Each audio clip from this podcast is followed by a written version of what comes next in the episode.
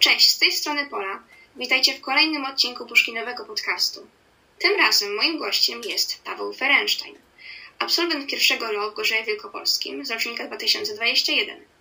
Paweł uczęszczał do klasy o profilu humanistycznym. Pełnił też funkcję wiceprzewodniczącego Młodzieżowej Rady Miasta w Gorzeje Wielkopolskim i od kilku lat działa w Stowarzyszeniu Nowum, gdzie pisze do numerów lubuskiego magazynu Młody Obywatel oraz uczestniczy w produkcji filmów do internetowej telewizji młodzieżowej Młody Obywatel TV. Obecnie studiuje stosunki międzynarodowe w języku angielskim na Uniwersytecie im. Adama Mickiewicza w Poznaniu. Cześć Paweł. Cześć Polu, jak się masz? No ja oczywiście czuję się świetnie rozmawiając z taką osobowością jak Paweł. Nie wiem, czy wiecie, ale Paweł jest pewną, w pewnym sensie legendą naszej szkoły. Paweł już, można powiedzieć, zapamiętany przez te starsze roczniki właśnie ze względu na to, że już jest absolwentem i być może pierwszoklasiści niekoniecznie go tak dobrze kojarzą jak te starsze roczniki, ale uwierzcie mi, że dla naszej szkoły naprawdę zrobił bardzo dużo e, i zapamięta go chyba każdy jako osoba naprawdę zaangażowana i w życie szkoły, i w życie lokalne czyli życie miasta. Paweł, yy, sprosiliśmy Cię tutaj, żeby troszkę porozmawiać o Twoim doświadczeniu w pierwszym LO. Dlatego na wstępie pozwól, że cofnijmy się może w czasie do 2018 roku, kiedy to jako gimnazjalista wybierałeś szkołę średnią. Yy, chciałabym Ci zadać na wstępie pytanie, co zadecydowało, że wybrałeś akurat pierwsze LO? A, dobre pytanie, dobre pytanie. 2018 rok. O Jezu, ja już czuję się jak dinozaur. W tym momencie mam 20 lat. Nienawidzę tej dwójki z przodu. E, ale idąc do rzeczy. E, no, wybierałem między dwoma, a właściwie trzema wyborami. No, oczywiście te pierwsze dwa wybory to było pierwsze i drugie liceum ogólnokształcące. Pierwsze liceum ogólnokształcące, bo było bliżej, bo znałem tam jakichś ludzi, bo wiedziałem, co tam się dzieje. Z drugim liceum miałem podobnie, do drugiego liceum chodził mój tata, w pierwszym była moja mama, także jakieś tam znajomości zawsze są e, tam na miejscu były. No i muszę powiedzieć, że tak naprawdę e, te dwa wybory to były moje dwa główne wybory, ale jako anegdotę mogę podać, że na trzecim miejscu chciałem zostać technikiem e, handlowcem.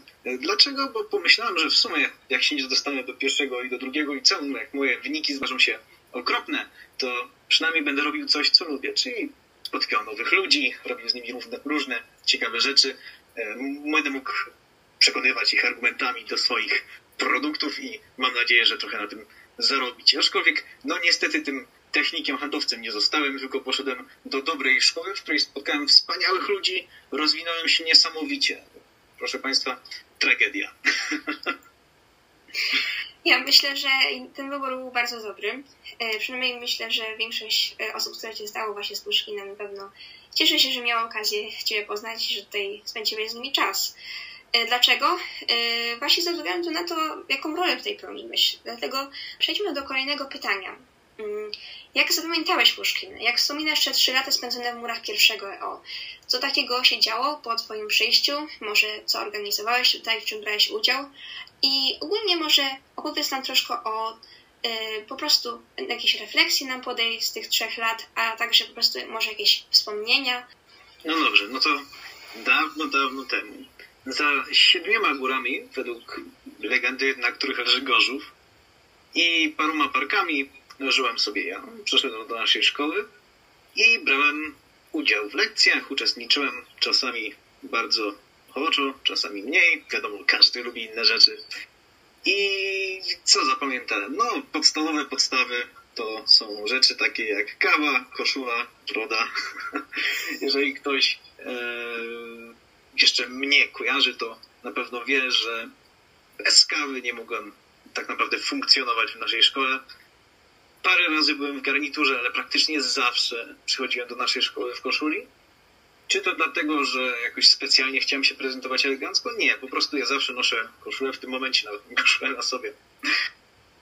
I no, i z takich podstawowych podstaw to by było na tyle. Co dobrego pamiętam, to wspaniali nauczyciele, wspaniali ludzie. Jeżeli chodzi o przejście z gimnazjum, to różnica była ogromna. W gimnazjum właściwie czułem się jako uczeń, który musi się uczyć przychodzę tam jakby do pracy, bo muszę. A tutaj do naszej szkoły, do pierwszego liceum ogólnokształcącego przychodziłem tak naprawdę nawet, proszę tego nie mówić moim byłem nauczycielem nawet nie na lekcję, tylko żeby spotkać się z tymi wspaniałymi ludźmi, zrobić e, te rzeczy, które tak naprawdę robią tą atmosferę Puszkina.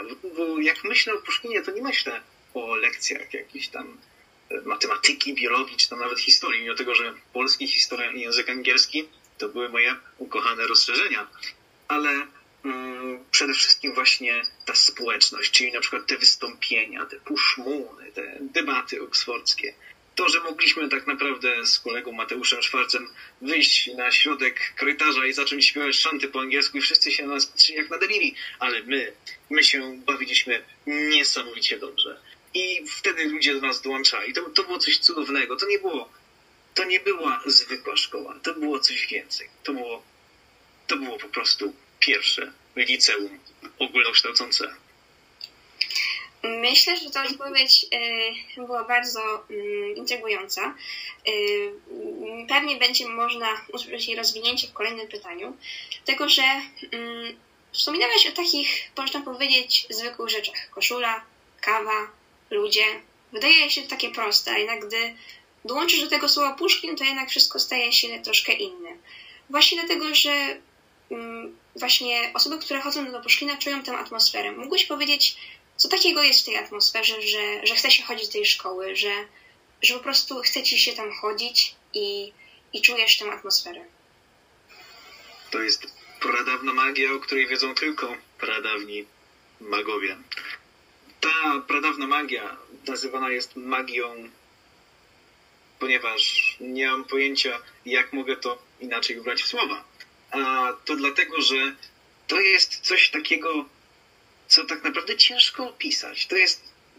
Można się skupiać na tych szczegółach. Można powiedzieć, że nauczyciele tutaj zamiast e, być takimi autorytetami, których trzeba naprawdę kłaniać się im, stawać na ważność i mówić, tak jest, panie profesorze. Nie, to nie jest to. To właśnie nauczyciele są jakby tutaj częścią społeczności. Pamiętam, że tak naprawdę mm, no nie czułem się nawet na lekcjach e, jak, jak taki po prostu uczeń. I szczerze mówiąc, uczniowie i nauczyciele żyli ze sobą. To było jakby jedno stado. I no, muszę tutaj wspomnieć o na przykład swoim wspaniałym wychowawcy Benu, profesorze Pawle Szafrańskim. Wspaniały człowiek i nauczyciel i dzięki niemu naprawdę wiem, co to znaczy big wiedza i myślę, że Mm, z dumą mogę powiedzieć, że udało mi się po jakimś czasie przynajmniej część tej big wiedzy posiąść.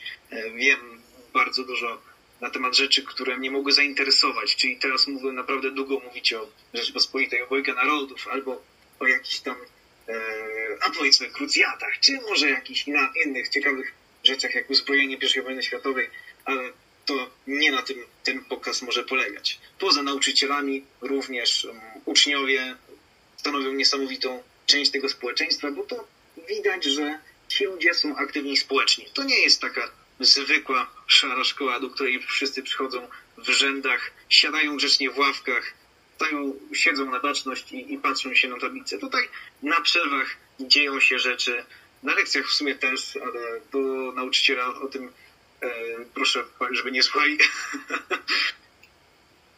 to jest po prostu, to jest właśnie, to jest coś pięknego. Ja nie potrafię tego do końca opisać, ale to trzeba przyjść, zobaczyć, poczuć, doświadczyć. Jak ogólnie oceniasz wydarzenia, które się dzieją na Puszkinie? Z tego co wiem, przynajmniej z opowieści osób, które skończyły tę szkołę, to właśnie one stanowią pewne taki element szkoły, który rzeczywiście przyciąga Y, ósmoklasistów. Tylko nie wiem, czy część y, wie, ale to właśnie na Puszkinie są organizowane derby, y, to na Puszkinie są organizowane tak zwane puszmuny, ale na czym dokładnie to polega, to myślę, że część osób mogłoby nie wiedzieć. Powiedz mi, jak ty je wspominasz? Derby. Oj, to jest prawdziwa arena gladiatorów. Ta atmosfera, tak naprawdę można by było pomyśleć, no co się dzieje. No dwa licea, nawet więcej czasami, grają między sobą mecze. No, co tutaj takiego większego, po prostu zawody ogólnomiastowe. Ale tak nie jest. To jest właśnie ludzie na tych, e, na tych trybunach i na e, boisku. To jest po prostu również nie ciężko opisać, aż mi brak słów, jak sobie o tym wszystkim przypomnę. To zacznijmy od gry. No może z pierwszym, pierwszego punktu widzenia można by było pomyśleć, że zwykłe zawody sportowe, ale nie. Tam często grają również nauczyciele, są drużyny dziewczyn, chłopaków i to jest, widać profesjonalizm, to ta presja, bo to nie są takie zawody, że po prostu się poszło gdzieś, zagrało gdzieś, bo trener kazał.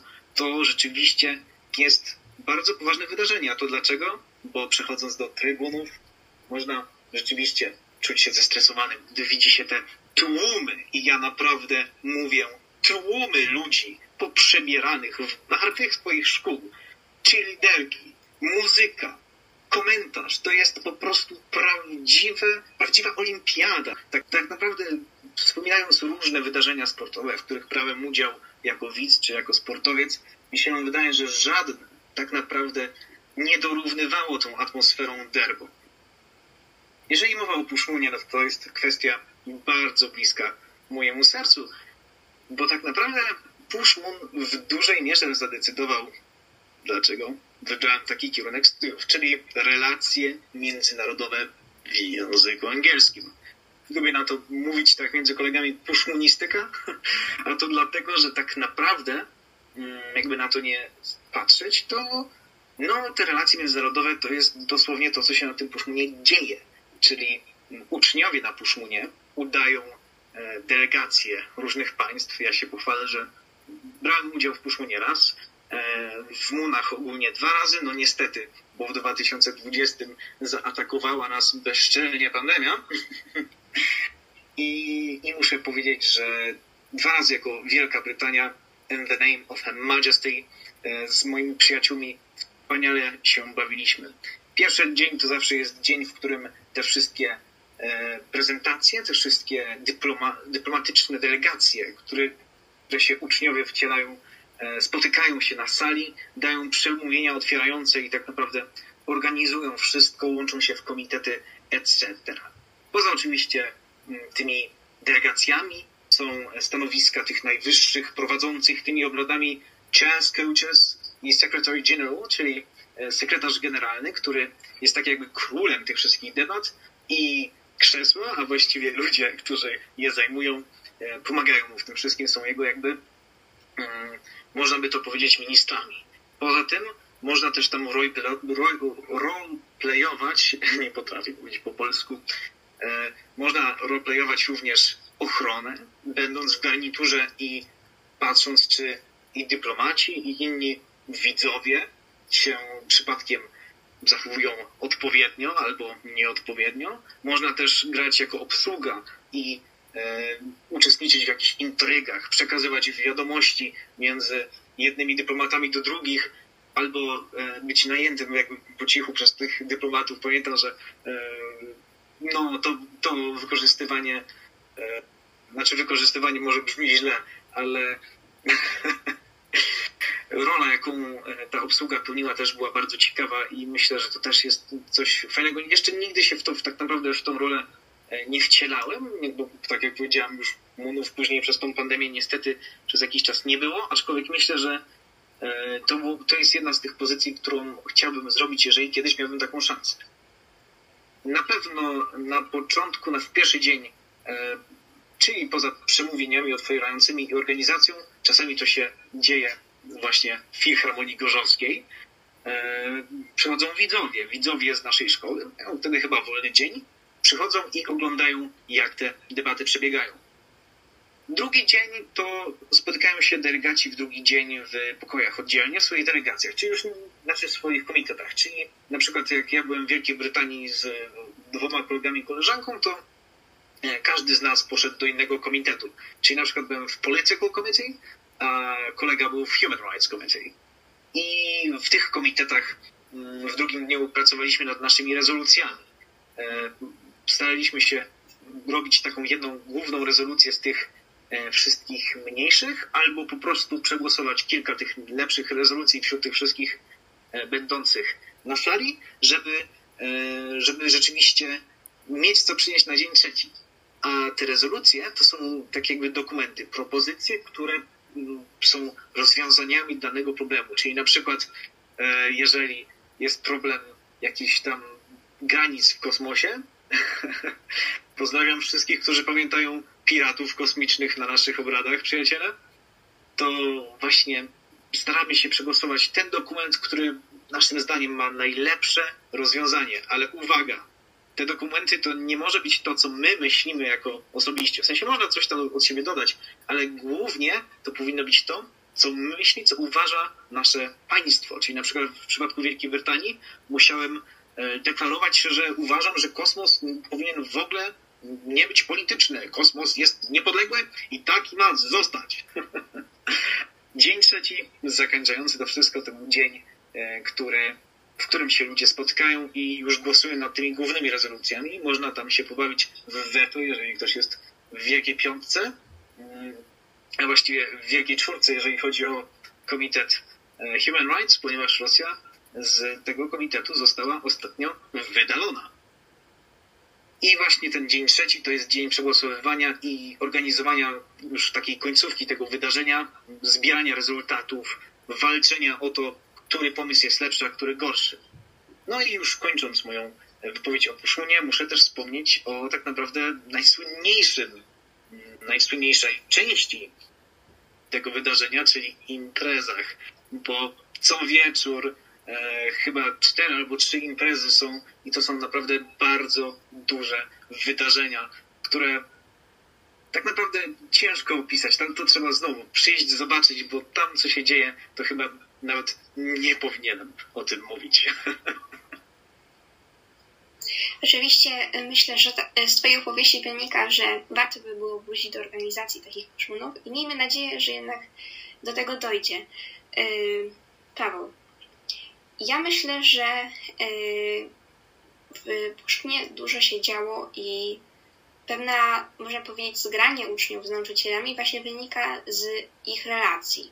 Jakbyś miał tak w skrócie opisać, jakie panują relacje nauczyciel-uczeń, e, to jakbyś to zrobił? Już na wstępie powiedziałeś, że stanowią pewną grupę ludzi, ale jakbyś miał tak, można powiedzieć, e, uściślić, co miałeś na myśli, E, i przedstawić mniej więcej te relacje, to jak byś to zrobił? No dobrze, no to wyobraźmy sobie przede wszystkim, jak taki typowy nauczyciel w typowej szkole może wyglądać. Jakbyśmy go opisali, porównując go do jakichś innych możliwych równań.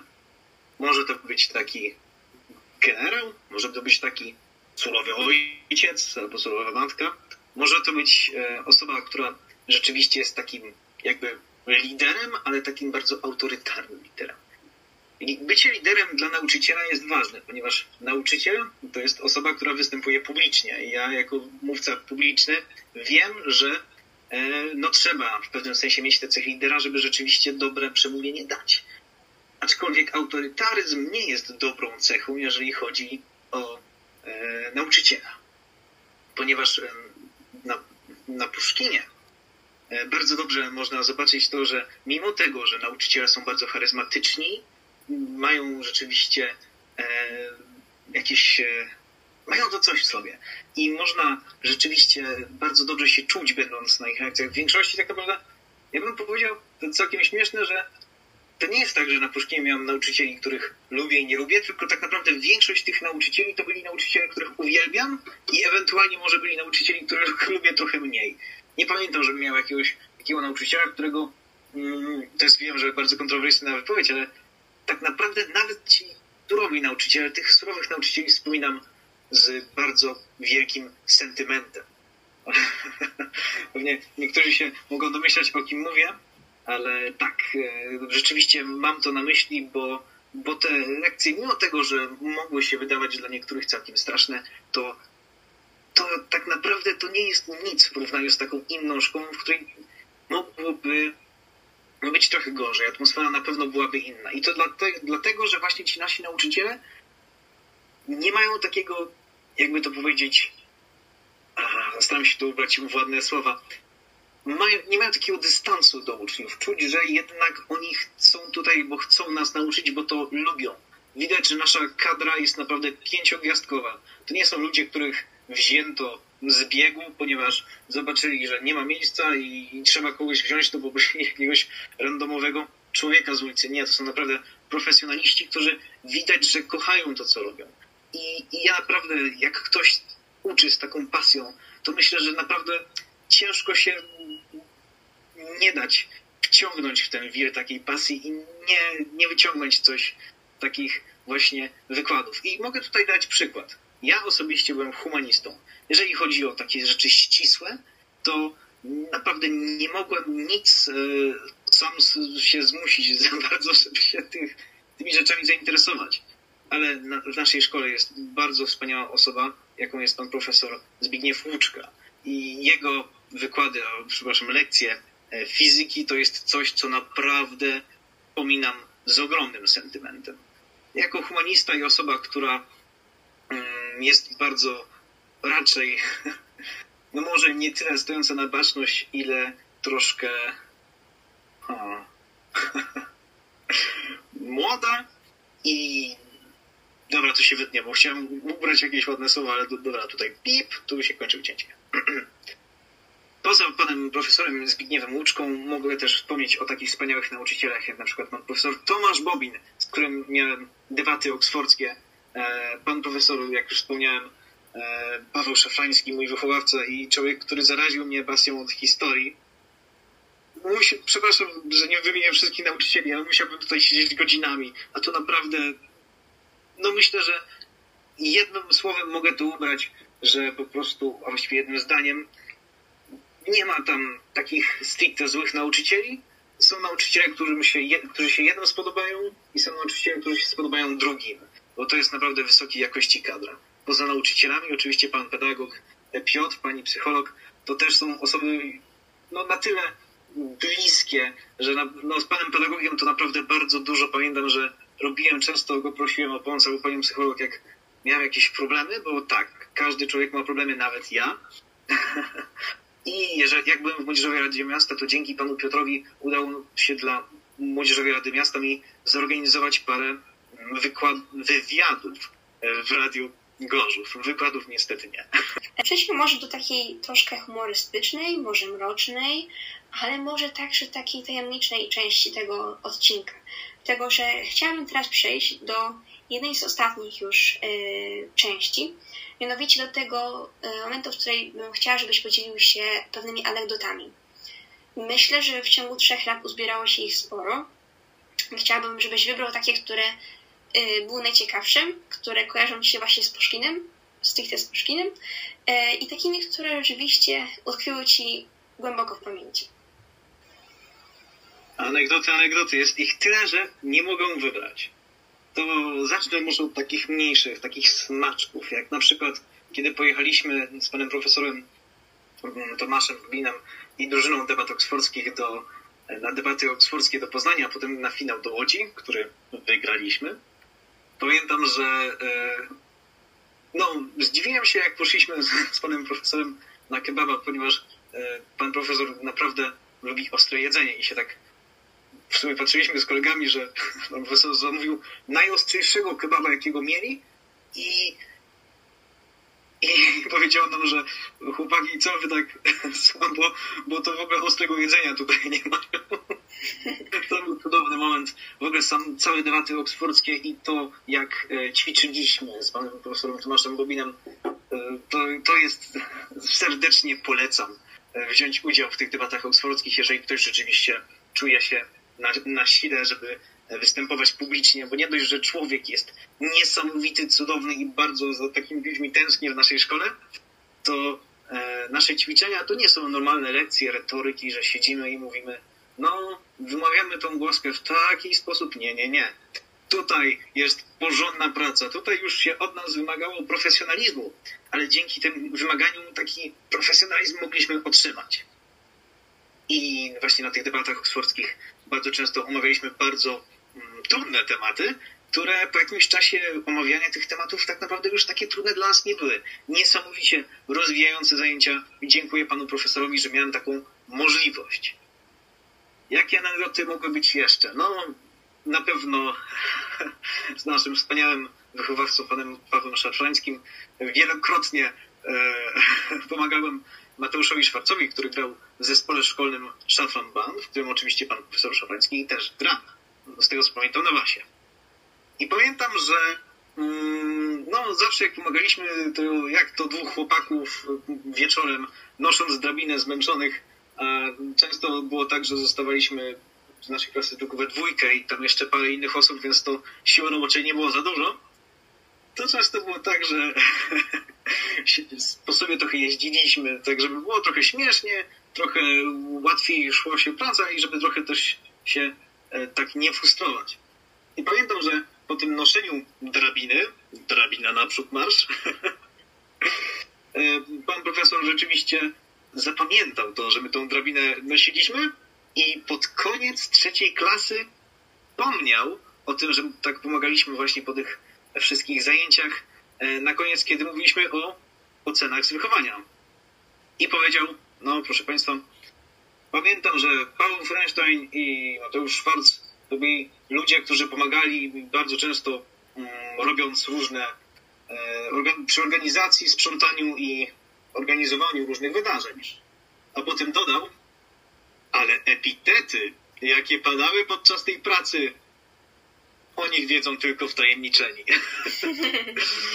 to naprawdę jedno z najśmieszniejszych e, wydarzeń i wspomnień w ogóle do tego mojego całego doświadczenia puszkinowskiego, jakie pamiętam. Mógłbym tutaj wymieniać godzinami, jak się przebrałem za kurczaka i tańczyłem na szkolnym przedstawieniu, albo jak zaczęliśmy z kolegami no to już chyba wspomniałem, śpiewać sztanty po angielsku. Drunken Sailor się znalazł na środku korytarza i ludzie się do nas dołączyli. Albo jak e, rozmawialiśmy z kolegami ze starszych roczników o tym, czy miecz okusza jest rzeczywiście mm, dobrym rozwiązaniem na połączenie broni średniowiecznej, a potem zaczęliśmy mówić o niemieckiej wojskowości, kiedy się okazało, że jacyś niemieccy uczniowie się znaleźli w naszej szkole i nas podsłuchują to było naprawdę, tych wydarzeń jest multum i myślę, że każdy, kto się znajdzie w naszej szkole, będzie skazany, żeby je przeżyć. Super, Paweł. Mam nadzieję, że pewne doświadczenia, które ty doświadczyłeś się, muszę powiedzieć, powtórzą i każdy będzie mógł przejść coś niesamowitego, podobnie jak ty. Yy, dlatego, że Puszkin jednak yy, prędzej czy później okaże się szkołą przygód, szkołą, w której Pewne rzeczy można oczywiście nie przewidzieć, ale mogą oczywiście zaskoczyć pozytywnie. Powiedz mi jeszcze, dlatego że z tego co wiem, widzę, obserwuję, działasz wielu, na, na, wielu płaszczyznach, że tak powiem. Jesteś działaczem społecznym.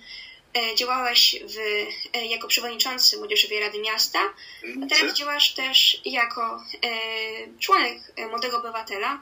E, TV, ale także e, tego, w którym, który wydaje po prostu różnego rodzaju numery.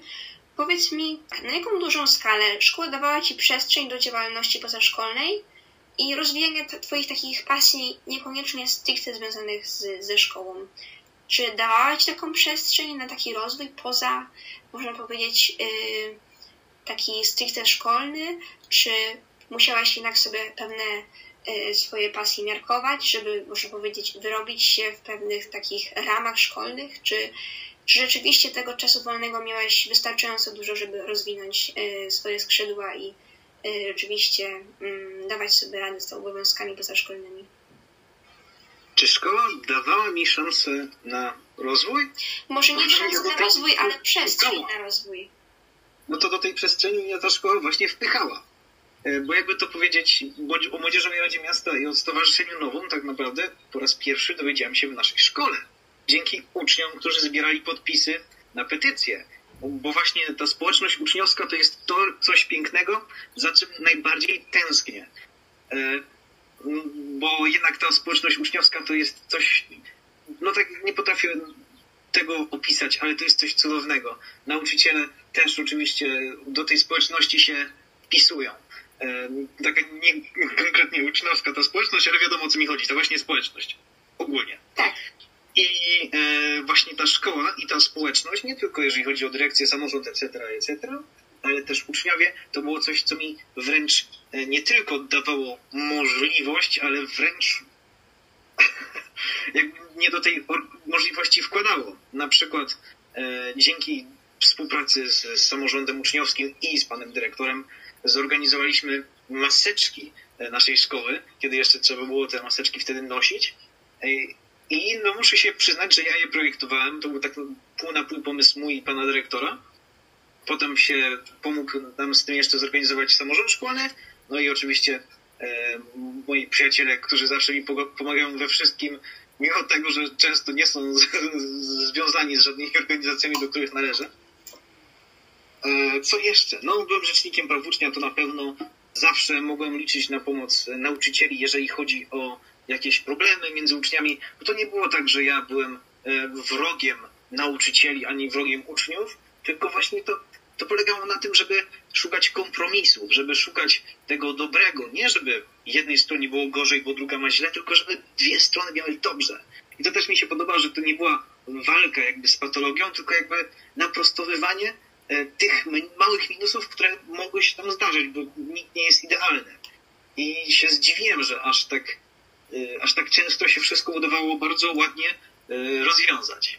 No ale na pewno, jeżeli chodzi o udzielanie się społecznie, no to Młodzieżowa Rada Miasta to było przede wszystkim to, co tak naprawdę, e, no nie licząc Stowarzyszenia Nowym, ale w kwestii pomocy szkoły, to było to, co tak naprawdę stanowiło tą główną warstwę mojego działania społecznego przez długi czas. I muszę powiedzieć, że jeżeli chodzi o pomoc ze szkoły, to miałem praktycznie 110%. Wspomniałem już o pomocy pana pedagoga, pana Piotra, który e, bardzo często nam pomagał organizować media. No jeżeli byliśmy w Radiu Gorzów, to chyba praktycznie zawsze dzięki panu pedagogowi. Oczywiście tam ze stowarzyszenia też często e, się udało jakieś media załatwić, ale Radio Gorzów to chyba w 100% zawsze pan pedagog. E, raz, raz byłem dzięki panu pedagogowi w Gazecie Lubuskiej, mówiąc o tym, że szczepionek, nie szczepionek, wtedy testy, testów było za mało ponieważ w naszym mieście się praktycznie robiło 100, 100 testów dziennie na koronawirusa, to był kwiecień 2020 roku, czyli e, dwa lata temu równo.